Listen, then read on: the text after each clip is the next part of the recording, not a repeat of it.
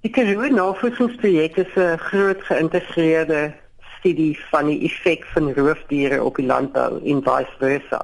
Dit is 'n projek wat in die begin van 2012 op aandrang van die landbou tot stand gekom het waarby daar die biologie departement van die Universiteit van Kaapstad en die Centre for Social Science Research bymekaar gekom het om te kyk of ons hierdie probleem vir die landbou kan oplos.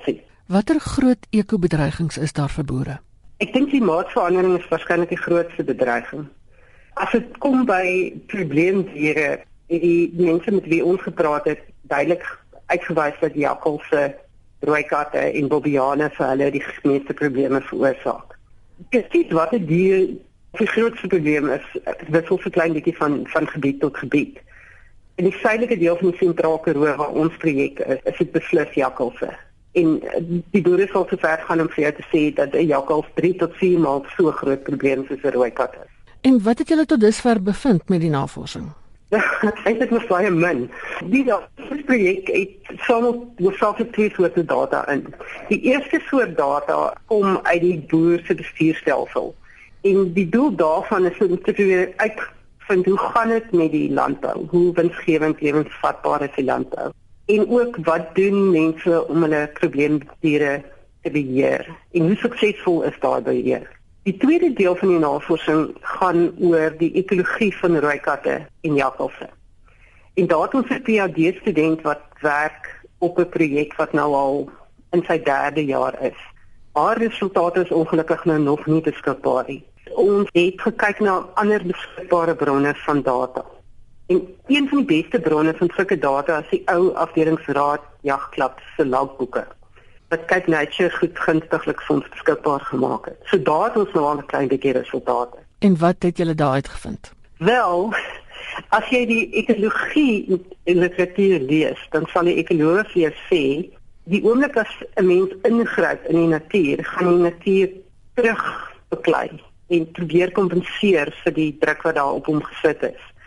So byvoorbeeld as jy begin om rooi katte uit te haal of jakkalse uit te haal, al wat jy gaan kry is dat die werksels in die daaropvolgende jaar groter gaan wees. Daar selfs 'n moontlikheid dat daar meer vroulike kleintjies in die werksels kan wees. Jy gaan minstens kry dat daar uit ander digter bevolkte gebiede roofdiere sal instroom in gebiede in wat nou net skoon gemaak is. So hoe jy ook al na die saak kyk, hoe meer jy met hulle roei, hoe erger gaan jou probleem word. En dit is presies wat ons uit die jagklap data gekry het vir Ceres. Daar het ons gekyk na die situasie op 150 plase oor 'n 9 jaar periode. Op daai stadium het die meeste van die boere glad geen skade gehad nie. So ongeveer 80% van hulle het nie die afdelingsjagter jagter gebruik nie. En as hulle dan op 'n plaas besluit om voorkomend 'n bietjie beheer te doen en hulle haal 'n rooi kat uit, dan het daardie plaas se kans op skade in die volgende jaar met 6% toegeneem. Vanweë daai natuurlike kompensasie vanweë die kompensasie. So dit dis 'n effek wat ons meer as een keer gedemonstreer het. 'n Tweede jagklap, die Cooper jagklap naby Mosselbaai, presies dieselfde effek.